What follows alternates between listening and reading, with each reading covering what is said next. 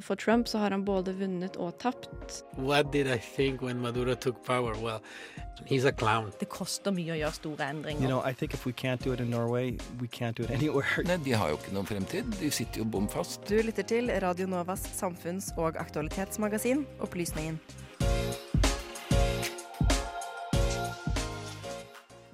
I Podgorsia risikerer landets president å miste makten i parlamentet. Hva er det egentlig som foregår i Europas sjuende minste land? Koronaviruset har rammet hele verden. Hvordan ligger utviklingen av en vaksine an? Og så skal vi ta en liten titt på personlig smittehygiene.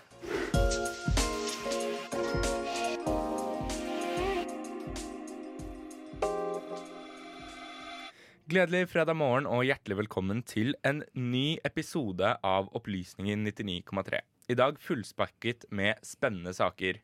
Sander Zakaria, ja det er mitt navn, og rett overfor meg sitter du, Sebastian Hagel, og gløder.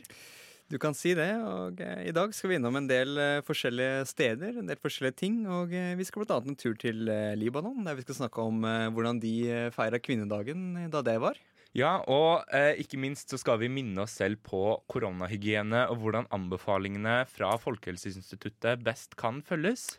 Og så skal vi snakke om eh, arbeidet med utviklingen av en vaksine mot nettopp dette koronaviruset. Ja, altså Du kan jo alt i alt si at det er en god time med samfunns- og aktualitetssaker som venter. Absolutt. Vi skal begynne ukens sending i Montenegro for å snakke litt om den kompliserte politiske situasjonen i landet.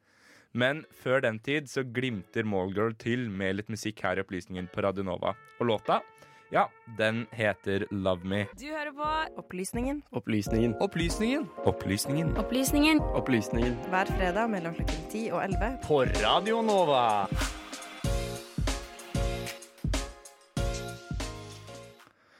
Forrige uke så snakket vi om protester i Hviterussland, der Aleksandr Lukasjenko har sittet ved makten helt siden 90-tallet, da Sovjet trakk seg ut av landet. I den tidligere jugoslaviske republikken Montenegro har én mann og ett parti i stor grad hatt kontrollen siden 1991. Dette hegemoniet ser ut til å endre seg når man tar de ferske valgresultatene i betraktning, men mye forhandling skal til før det skjer noe som helst. Du skal nå få en liten oppdatering fra Montenegro. Et land som leker en kjent lek, nemlig tautrekking mellom øst og vest, hvor begge tar grep og river så hardt de kan, og håper den andre parten mister grepet før tauet ryker. Vi klatrer opp det sorte fjellet, Kranzia Gora, og lander i hovedstaden Podgorsia, hvor et parlamentsvalg rokker ved en godt etablert styringsmakt. Regjeringspartiet DPS, Montenegros demokratiske sosialistiske parti, har sittet i hver eneste regjering siden de ble dannet i 1991, som en etterfølger til den montenegrinske kommunistligaen som styret landet internt i Jugoslavia. Lederen for partiet og landets president, Milo Djukanovic, har helt siden 1991 sittet enten som statsminister eller president. Dette er første gang DPS later til å miste grepet, men hva kan det si for dette lille landet ved Adriaterhavet? Først må vi se på hva DPS har gjort med makten i Montenegro, og hvor misnøyen velgerne føler på, stammer fra. Som nevnt har DPS og Djukanovic sittet ved makten i nærmere 30 år nå, og på den tiden har de politisk flyttet landet vestover, bl.a. ved å melde seg inn i Nato og ved å starte prosesser for å tre inn i Den europeiske union. Det er foreløpig planlagt at Montenegro skal bli et EU-medlem i 2025. DPS ble anklaget for å være korrupte og til sengs med mafiaen, og lederen for URA, landets fjerde største parti, sa aldri igjen skal Montenegro styres av mafiaen. De fleste partiene har ledet kampanjer sentrert rundt antikorrupsjon i opposisjon til DPS. Det må nevnes at Montenegro, i likhet med resten av Balkan, er et etnisk og religiøst sammensurium. Og det er fra denne mye omtalte smeltedigelen, dråpen som veltet glasset, endelig kom for DPS. De endret nemlig bestemmelsene i landet slik at religiøse organisasjoner må bevise at eierskapet deres overfor bygninger som kirker og moskeer strekker seg lenger enn 1918 og dannelsen av Jugoslavia. Dersom dette ikke kunne bevises, skulle disse bygningene bli statseiendom. Den serbisk-ortodokse kirken i landet følte seg angrepet, trolig fordi de fikk store eiendommer av de jugoslaviske myndighetene i sin tid. De mente loven var både diskriminerende og grunnlovsstridig. Sabuduknost Knatsjegorie, eller For Montenegros fremtid, som han har sagt på norsk, er den proserbisk-russiske koalisjonen i det montenegrinske parlamentet, og mye takket være engasjementet rundt denne saken ble de det andre største partiet etter dette valget. Der DPS tapte seks mandater, tjente For Montenegros fremtid fire, og har dermed 27 mandater mot DPS sine 30. 41 er det magiske tallet, da parlamentet i Montenegro kun har 81 seter. Opposisjonen har i praksis 41 mandater, med For Montenegros fremtids 27, den proeuropeiske moderate blokken Fredag vår Nasjon sine 10 mandater, og tidligere nevnte URA, eller United Reform Action, som de het på engelsk, og deres fire mandater. Saken er den at disse partiene ikke er ideologisk kompatible, og har kun antikorrupsjon og motstand mot Djukanovic som felles saker.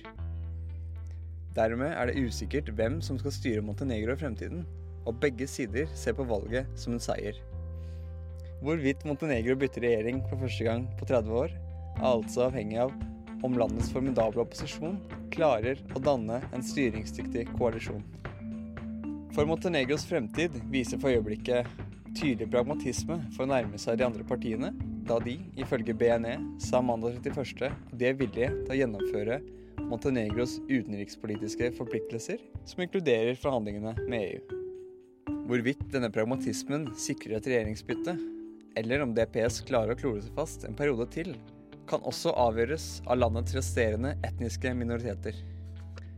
Balkan Insight skriver at opposisjonspartiene appellerer til de albanske og bosniske partiene i parlamentet. Dette er nødvendig, da det er fastsatt at partiene tilhørende disse minoritetsgruppene kommer seg over landets sperregrense lettere enn andre partier. Og etter dette valget sitter de på fem mandater spredt over tre partier. Dersom fremtiden for Montenegro klarer å samarbeide med disse partiene, vil de tjene stort på dette, da de er tradisjonelle allierte av Djukanovic og DPS, og vil dermed senke mulighetene for at hans parti skal styre parlamentet og ministerpostene i regjeringen. Det som er verdt å nevne, er at Djukanovic selv ikke har vært i valg. Han ble valgt som president i 2018, og hans legitimitet er ikke knyttet til parlamentet. Det er altså hans statsminister, Dusko Markovic, som bokstavelig talt er til valg. Imidlertid er det Djukanovic som er målet for opposisjonen. Lederen i For Montenegros fremtid, Stravko Kripokavic, sa ifølge Balkan Insight Djukanovic burde pakke sammen nå. Friheten har ankommet.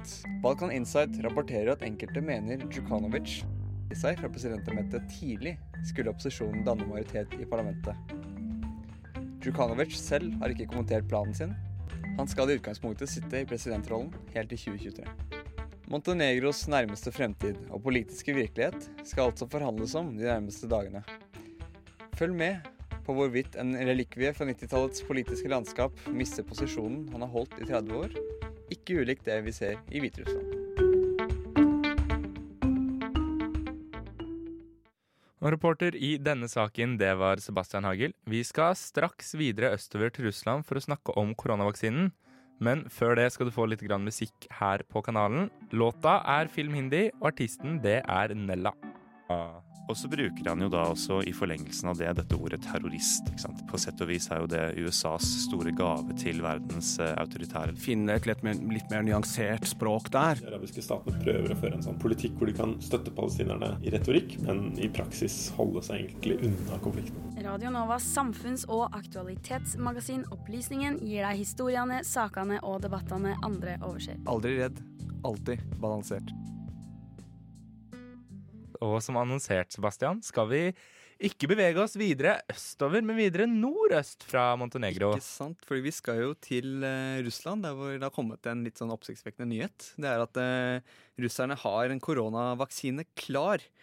Mm, den nyheten kom tidligere denne uka, og det er litt sånn usikkert om denne vaksinen egentlig er sikker. Uh, og hvordan vi ligger an i utviklingen av en koronavaksine egentlig sånn ellers i verden, skal vi også få høre i dette innslaget, som da kommer nå. Koronaviruset har rammet store deler av verden, med over 25,8 millioner smittede i skrivende stund. Kappløpet om produksjon og distribusjon av en vaksine mot koronaviruset er allerede godt i gang. Eller er kappløpet allerede vunnet?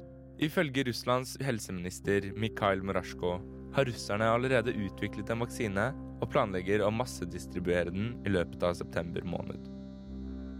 Vaksinen som har fått navnet Sputnik 5, er den første koronavaksinen som så langt har blitt utviklet og godkjent. Og selv om vaksinen ikke enda er klinisk testet, er russerne altså klare til å rulle den ut. Klinisk testing vil si at vaksinen er blitt testet på mennesker, og her stilles det strenge krav til hva som skal til for å få vaksinen godkjent av et internasjonalt organ som f.eks. Verdens helseorganisasjon, WHO. Doktor Somaya Swamimatan, sjefsforsker ved Verdens helseorganisasjon, opplyste i en pressekonferanse 24.8 at de var i samtaler med russerne om å få deres vaksine godkjent. Vi har startet discussions med with i Russland for å lære mer om uh, the vaccine and we've, we've data on efficacy and safety. Um, we understand that it's gone through some preliminary human studies um, and that it get into a phase three uh, clinical trial, which will really be the test of, uh, of efficacy. So we look forward to, to discussing with the, with the Russian uh, authorities as well as seeing the data that is available so far and then having a dialogue on what uh, the further needs should be and how um, further studies would need to be done. Dette er for russerne et steg tilbake etter at landets president Vladimir Putin 11.8 annonserte at vaksinen var godkjent, før de etter sterk kritikk fra vestlige eksperter valgte å heller si at vaksinen hadde fått en betinget godkjenning. Dette vil i prinsippet si at vaksinen er godkjent, men at dersom man oppdager en feil ved vaksinen, f.eks. uventede bivirkninger, vil den trekkes tilbake momentant. Murashko opplyser at massevaksinering med den nye vaksinen vil begynne i oktober, og da i utgangspunktet kun blant helsepersonell og lærere. Han legger også til at vaksinen selvfølgelig vil være frivillig for disse. Selv om vaksinen enda ikke er ferdig klinisk testet, har 20 land bestilt over en milliard doser av den russiske vaksinen, skal vi tro russerne selv. Målet er å få vaksinen inn hos sivile russere i begynnelsen av januar 2021. Men dette er ikke det eneste forsøket på å lage en vaksine mot viruset. Ifølge The New York Times er det per dags dato 36 ulike vaksiner som nå er i ulike nivåer av klinisk testing. Klinisk testing er delt opp i tre ulike faser. I fase 1 blir et begrenset antall mennesker forsøkt vaksinert. Dette er for å sjekke sikkerheten, doseringen og at den stimulerer immunforsvaret. Den andre fasen baserer seg på at vaksinen blir delt ut til hundrevis av mennesker, her også barn og eldre, for å se hvordan disse reagerer på vaksinen. I tredje fase blir vaksinen distribuert til tusenvis av mennesker, og resultatene blir sammenlignet med resultater blant testpersoner som får placebodoser. Dette er doser som ikke har noen faktiske virkestoffer, men der de som tester vaksinen, tror de har fått en faktisk dose. Flere selskaper har nå beveget seg ut i tredje fase, Blant annet har det kinesiske selskapet Sinovac Biotech fått sin vaksine godkjent for begrenset bruk i Kina, og går nå gjennom en tredje fase av testing i Indonesia. Sinovac har allerede signert en avtale med indonesiske myndigheter på distribusjon av vaksinen i form av 40 millioner doser innen mars 2021. Alle eksemplene på de såkalte ferdigtestede koronavaksinene kommer fra Kina eller Russland. Så hvordan går det da med Europa og resten av Vesten i arbeidet med godkjenning av en vaksine? Tidligere denne uka møtte den vestlige vaksineproduksjonen en utfordring da Donald Trump uttalte at USA ikke ville bidra til internasjonale prosjekter med utvikling av vaksinen, fordi disse var ledet av WHO. Den amerikanske presidenten har lenge vært misfornøyd med WHO og har nå trukket landet ut av organisasjonen. WHO leder Covax, et prosjekt med mål om å utvikle en vaksine mot nettopp koronaviruset. WHO opplyser at det er rundt ni vaksiner som er del av Covax-prosjektet, og som nå er i ulike stadier av klinisk testing. Men det er enda et spørsmål vi ikke har stilt. Når en vaksine kommer, hvem får den? I en pressekonferanse mandag 31.8 uttalte direktøren i WHO, dr. Tedros Adhanom, at arbeidet i Covax ikke minst handler om at alle skal få vaksinen. Meanwhile, We're continuing to work with our partners through the ACT Accelerator and the COVAX facility to ensure that once a vaccine is available, it's available equitably to all countries. EU frontet forrige uke et ønske om å ta del i Covaxes utarbeiding av en ny vaksine mot koronaviruset. Og ga prosjektet 400 millioner euro, drøye 4 milliarder norske kroner.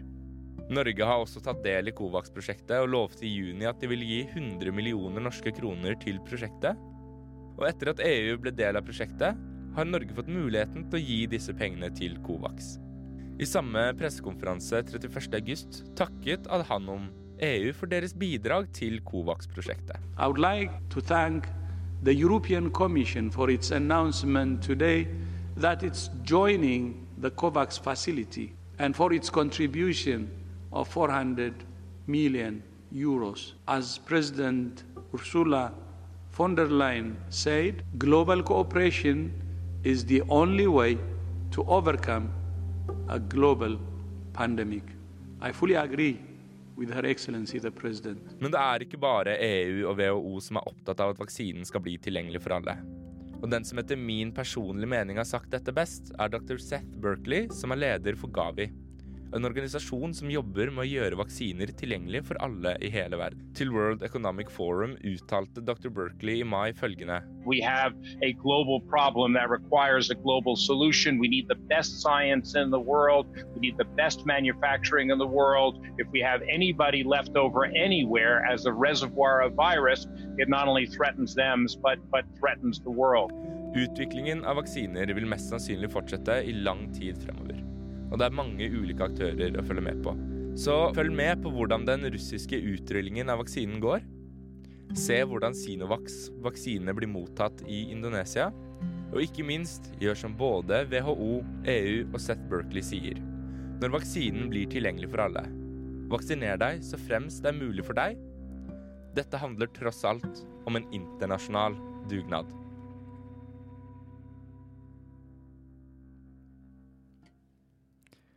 Og eh, lyden vi har brukt i dette innslaget, er både fra Verdens helseorganisasjon og Verdens økonomiske forum. Reporter i saken, det var deg, Sander Zakaria. Ja, Sebastian, det stemmer det. Og vi skal straks ut på nok en reise. Vi er i et internasjonalt mood i dag. Men eh, først så skal du få Truls med Love Truls.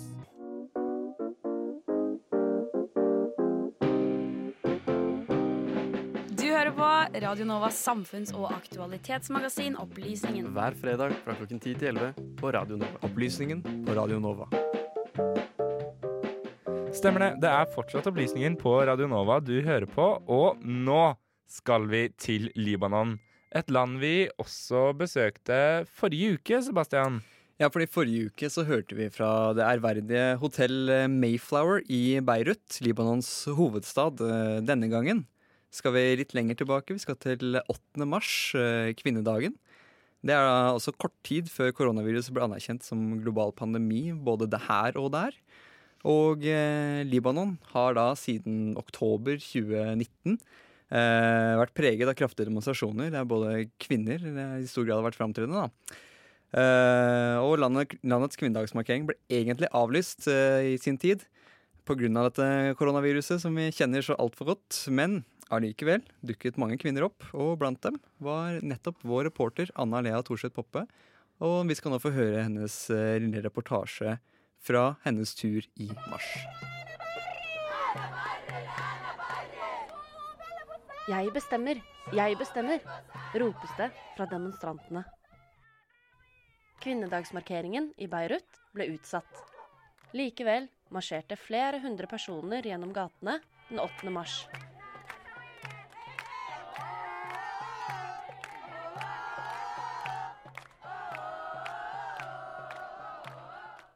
Koronaviruset har de siste ukene inntatt Libanon. Det var frykten for spredning som gjorde at arrangementet ble utsatt. Mahadim møtte likevel opp for å marsjere, men hadde på seg maske for å beskytte seg. It won't stop you. No, no way. Nothing will stop us. Continue to dance. It doesn't scare you. The corona? We have more than corona in Lebanon. Siden midten av oktober har det vært demonstrasjoner i hele Libanon for å felle regjeringen og bekjempe korrupsjon. Demonstrantene kaller det en revolusjon. En kvinnelig revolusjon. Kvinner har vært aktive i demonstrasjonene Og kvinnelige karakterer har blitt til symboler og inspirasjon for demonstrantene. Noor Mira var blant de ivrigste demonstrantene den 8. mars. Med megafonen nærmest limt fast i hånda ropte hun ut slagord til full jubel og sang fra de andre i marsjen.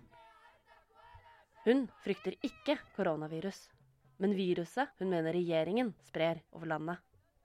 The march was supposed to be canceled due to the coronavirus. But what people don't know is that if we're not going to die from corona in this country, we're going to die from the bit of freedom we have, from all of the oppression that's being that's come onto us.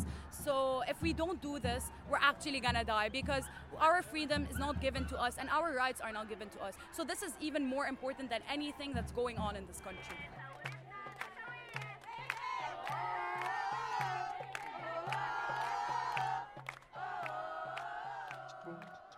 Reportere i denne saken det var Anna Lea Thorseth Poppe og Melinda Haugen. Siden reportasjens produksjon i april har Libanon møtt stadig nye utfordringer, både med koronaviruset, eksplosjonen i Beirut, for ikke å snakke om politisk uro. Og koronavirus det er en tematikk som blir med oss litt videre, for vi skal snart snakke om koronaviruset i Norge. Men før den tid, kjære lytter, Benjamin Christensen, låta, ja, den heter Tag Along.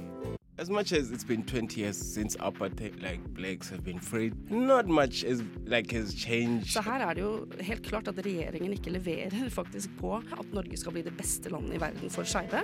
Chavez is the guy who finally could destroy Venezuela.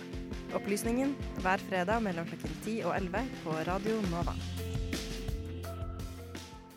Ja, Smitten av koronavirus i Norge den har økt den siste perioden. Og helsemyndighetene anbefaler nå at vi i Oslo benytter oss av munnbind på kollektivtransport, spesielt i rushtida, samtidig som vi må være flinke til å vaske hendene og holde avstand.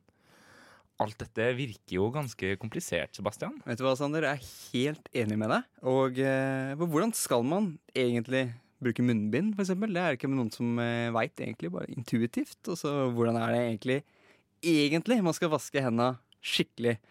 Og eh, så Alt dette lurte jo vi på, så jeg tok kontakt med sykepleierstudent Tale Øverland Ross for å få litt bedre oversikt.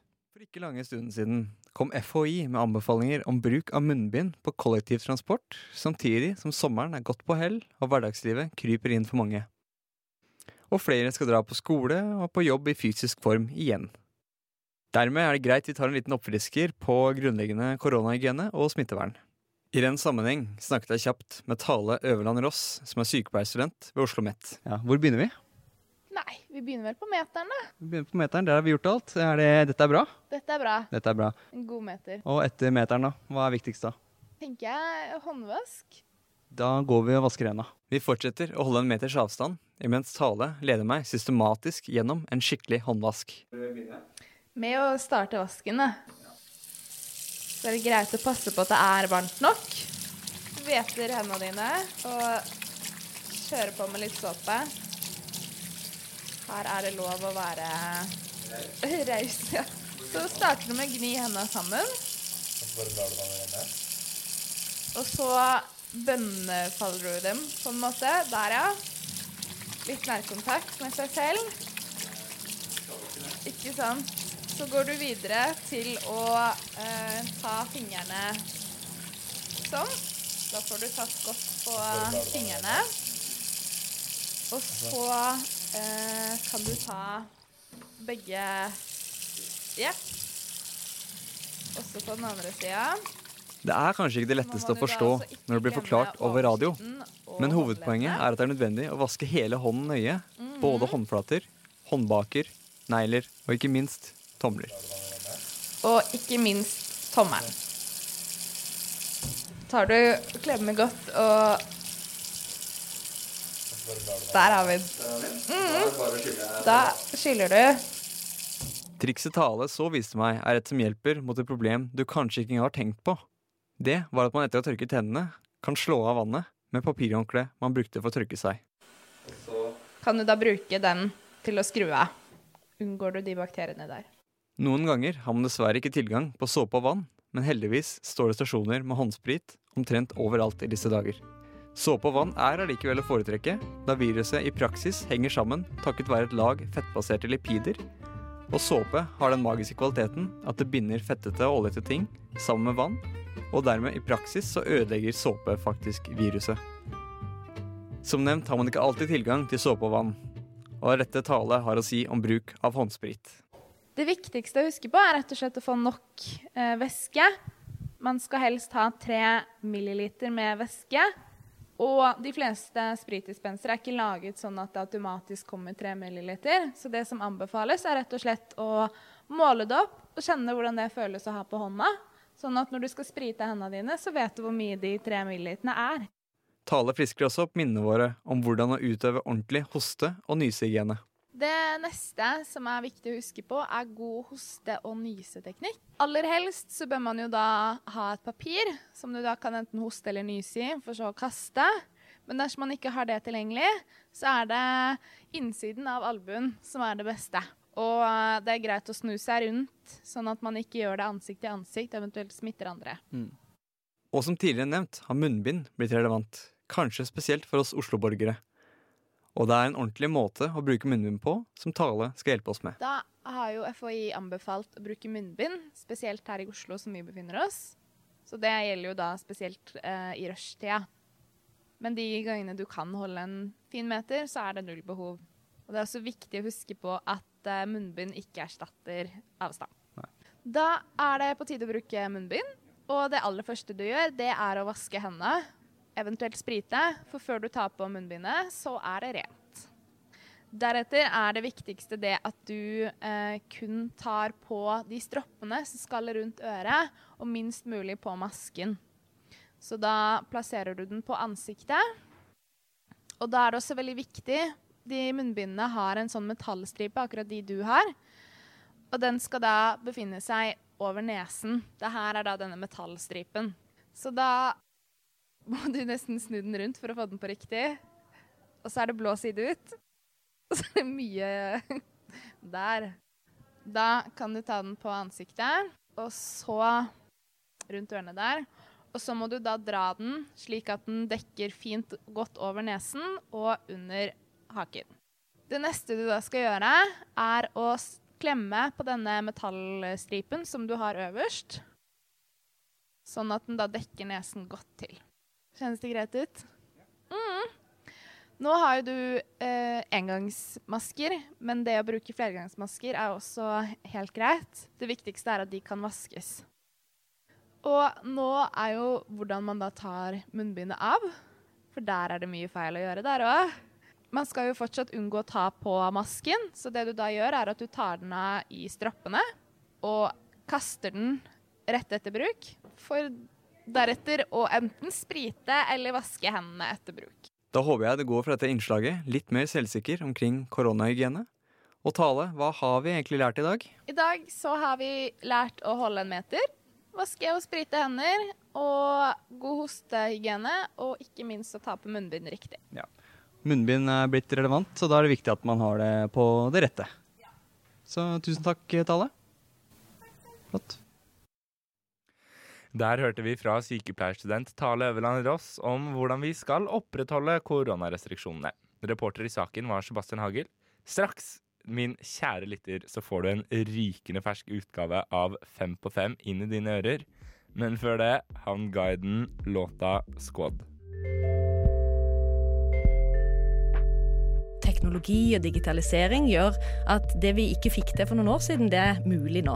At det å stadig vekk skulle balansere mellom frihet og ufrihet Det er ikke noe særlig lurt å stole på viljestyrken, f.eks.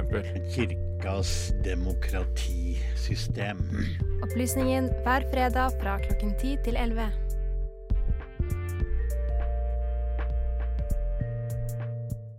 skjer mye i verden på en ukentlig basis, og hadde vi fått vilja vår, hadde alle saker fått ta del i våre sendinger. Dessverre har vi ikke tid til å dekke alle saker som skjer i løpet av en uke, og derfor gir vi opplysningen deg fem saker brukes uke som godt på fem minutter. Ukens Fem på fem-reise begynner i Toomsboro, Georgia. Der har 19 svarte familier gått sammen for å kjøpe opp land og i praksis drifte sin egen by, eller i det minste sitt eget lille samfunn. Det er eiendomsmegleren Ashley Scott og entreprenøren Renee Walters som er pådrivere for ideen. Scott bestemte seg for at det var på tide å gjøre noe etter drapene på Ahmad Aubrey og George Floyd, som begge skjedde kort tid etter hverandre. Scott mener svarte i Amerika lider av det hun kaller et rasetraume, som hun mener det krever mer enn bare det å protestere for å løse opp i. Hun skriver i en bloggpost på lavity.com at målet vil være å gjenskape ånden fra Black Wall Street, som var tidligere svarte bosetninger. Mest kjent av disse er trolig Greenwood i Tulsa, stedet for rasemassakren i Tulsa, som er en sak for en annen dag. Målet til Scott og hennes medsammensvorne er å kvitte seg med raseproblemene de mener har dype røtter i det amerikanske bylivet, og dermed bygge opp et sted der de kan trives og blomstre. Så får vi se om vi får en ny Black Wall Street i Tombsborough, Georgia.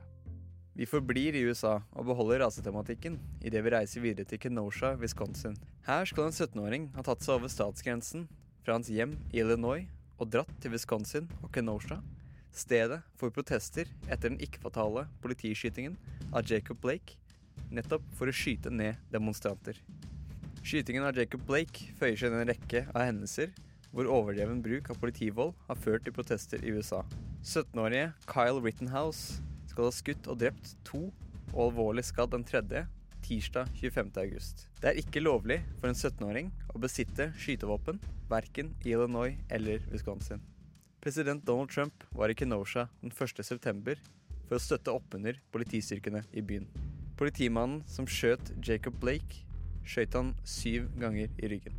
Trump mener ødeleggelsen i byen skyldes intern terrorisme Joe Biden mener USA har en president som ikke slukker flammene, men heller fyrer opp under dem. Vi legger USAs enorme landmasse bak oss og reiser videre til Rwanda i Sørøst-Afrika. I 1994 gjennomgikk det fattige landet en blodig borgerkrig med påfølgende folkemord som kostet livet til et sted mellom en halv og en million mennesker. Og nå har en av folkemordets store helter blitt arrestert av myndighetene. Paul Rusesabina ble tidligere denne uken arrestert og siktet for mord kidnapping, terrorisme og brannstiftelse. Ruth Bagina, som under krigen var direktør for et hotell i hovedstaden Kagili, reddet livet til over 1000 rwandere ved å la dem søke tilflukt på hotellet. Helteakten ble inspirasjon for filmen Hotell Rwanda, og Ruse Sabagina ble hyllet som en helt og tildelt den amerikanske presidentens frihetsmedalje av George W. Bush. I tiden etter folkemordet har han vært en kraftig kritiker av Rwandas president, Paul Kagame, som i retur lenge har anklaget Ruse Sabagina for å være en terrorist, noe han nå er fengslet for. Ruse Sabagina er av RIB, Rwandas etterforskningsbyrå, mistenkt for å være grunnleger, leder og økonomisk bidragsyter og medlem av en terroristorganisasjon som nå lenge har herjet i landet. Det er ikke bare i Rwanda at problemer dukker opp for myndighetene. På tirsdag 1.9 ble det klart at Stortinget er utsatt for et dataangrep med foreløpig ukjent omfang for oss i omverdenen. På tirsdag sa Marianne Andreassen, Stortingets direktør, at et mindre antall representanter og ansatte er rammet. Hva dette antallet er mindre enn, er usikkert, og hun ønsker heller ikke kommentere til diger.no hvorvidt Stortingets IT-systemer har noen svakheter som har blitt utnyttet, eller om det er noen internt som har trykket på noen linker som ikke skulle vært trykket på. PST undersøker nå muligheten for at det kan ha vært statlige aktører innblandet i dette angrepet. Da med implisitt pekefinger i retning Russland eller Kina, skal vi tro Filter Nyheter-redaktør Harald Klungtveit. Anette Aamodt i PST sier til NRK at det er mulig dette ikke bare er ett angrep, men en del av en etterretningsoperasjon mot Norge. Mon tro hva slags spennende hemmeligheter norske stortingsrepresentanter sitter på. Vi forblir i kongeriket Norge og beveger oss til en sak som denne uken har preget internasjonale aviser. Natt til søndag ble en politibil møtt av forfjamsede unge i området rundt Sankthanshaugen i vår egen hovedstad. Disse viste seg å komme fra en fest som ble avholdt i en bunker i området, der over 200 mennesker hadde brutt seg inn og festet i bunkeren. Strømmen som ble brukt til musikk og lys på festen, kom fra to dieselaggregater som ble plassert på et rom inne i bunkeren og har ført til at 24 mennesker ble fraktet til sykehuset med mistanke om kullosforgiftning. Rusmidler skal også ha vært i hyppig rotasjon på festen, og politiet melder om at både kokain, amfetamin og MDMA skal ha vært i bruk på festen, kombinert med et høyt alkoholforbruk. Espen Rostrup Nakstad, assisterende helsedirektør med doktorgrad i røykskader, sier i et intervju til NRK at kombinasjonen mellom kullos og lukkede rom har potensial til å være fatale. To mennesker er siktet etter festen natt til søndag. Og selve festen har brakt opp en ny debatt om alkoholrestriksjonene i Norge som følge av koronaviruset. Helseminister Bent Høie sier at restriksjonene skal revurderes i løpet av september, etter at flere eksempler har vist at de kan føre til potensiell farlig festing. Det, kjære lytter, var ukens Fem på fem. Dessverre må vi meddele at flere av deltakerne ved grottefesten på Sankthanshaugen fortsatt er innlagt på Ullevål sykehus med hjerneskader. Dag Jacobsen, avdelingsleder ved akuttmedisinsk avdeling ved Oslo universitetssykehus, sier til NRK at festen kunne utviklet seg til Norges verste ulykke i fredstid. Så til alle våre lyttere der ute, pass på, ta vare på dere selv. Og nå, kjære lytter, får du Dør 13. Låta, den heter Griner.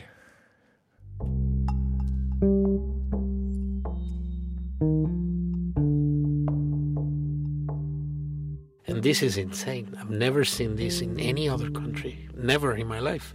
People eating from the trash, fighting about it. Eh, Når så mange er ensomme, så ligger jo på en måte ikke dette på, på individleger. Det ligger på systemet. Vi er i ferd med å ødelegge evnen vår eh, permanent kognitivt i hjernen til å konsentrere oss over lengre tid. Radio Novas samfunns- og aktualitetsmagasin gir deg historiene, sakene og debattene andre overser. Aldri redd, alltid balansert. Opplysningen 99,3. Ja, kjære lytter, og før denne jingeren her, så hørte du Griner. Artisten var dør 13. Og da har opplysningen nådd slutten av eh, denne sendingen. Medvirkende til ukens sending har vært Anna Lea Thorseth Poppe og Melinda Haugen. Og i studio sammen med meg så har jeg hatt deg, Sebastian Hagel. Ja, i studio på torsdag kveld for andre uke på rad, eh, Sander. Ja, det er jo, eh, det er jo rare tider vi lever i, og det Ja. krever at vi tenker annerledes. Så da bare informerer vi om at eh, vi er ikke per definisjon live i, eh, på fredag når dere hører dette. Men uavhengig av om vi er live eller ikke, så er det jo studentnyhetene som kommer etter oss, Sebastian. Ja, og jeg har hørt at de som vanlig er litt ute og sykle, Sander. Ja, men denne gangen så er de faktisk ute og sykler eh, altså i ordets alt. hele betydning. Fordi i studentnyhetene så har de testet ut bysykkel. De skal snakke om SIO, SIOs nye podkast På helsa løs. Og også snakke om, med Det Norske Studentersamfunn om studenthus i St. Olavs gate 32. Så det er som vanlig en fullspekket sending fra studentnyhetene denne uken. Ja, og det har jo for så vidt vært fra oss også, så det er vel på tide å si god helg. Ja, Det begynner å bli på tide å si god helg. Kjapt oppsummere at du selvfølgelig finner oss i Opplysningen på dine sosiale medier. Og på vår Instagram- og Facebook-plattform nå så kan du finne en video om det russiske vaksineprogrammet.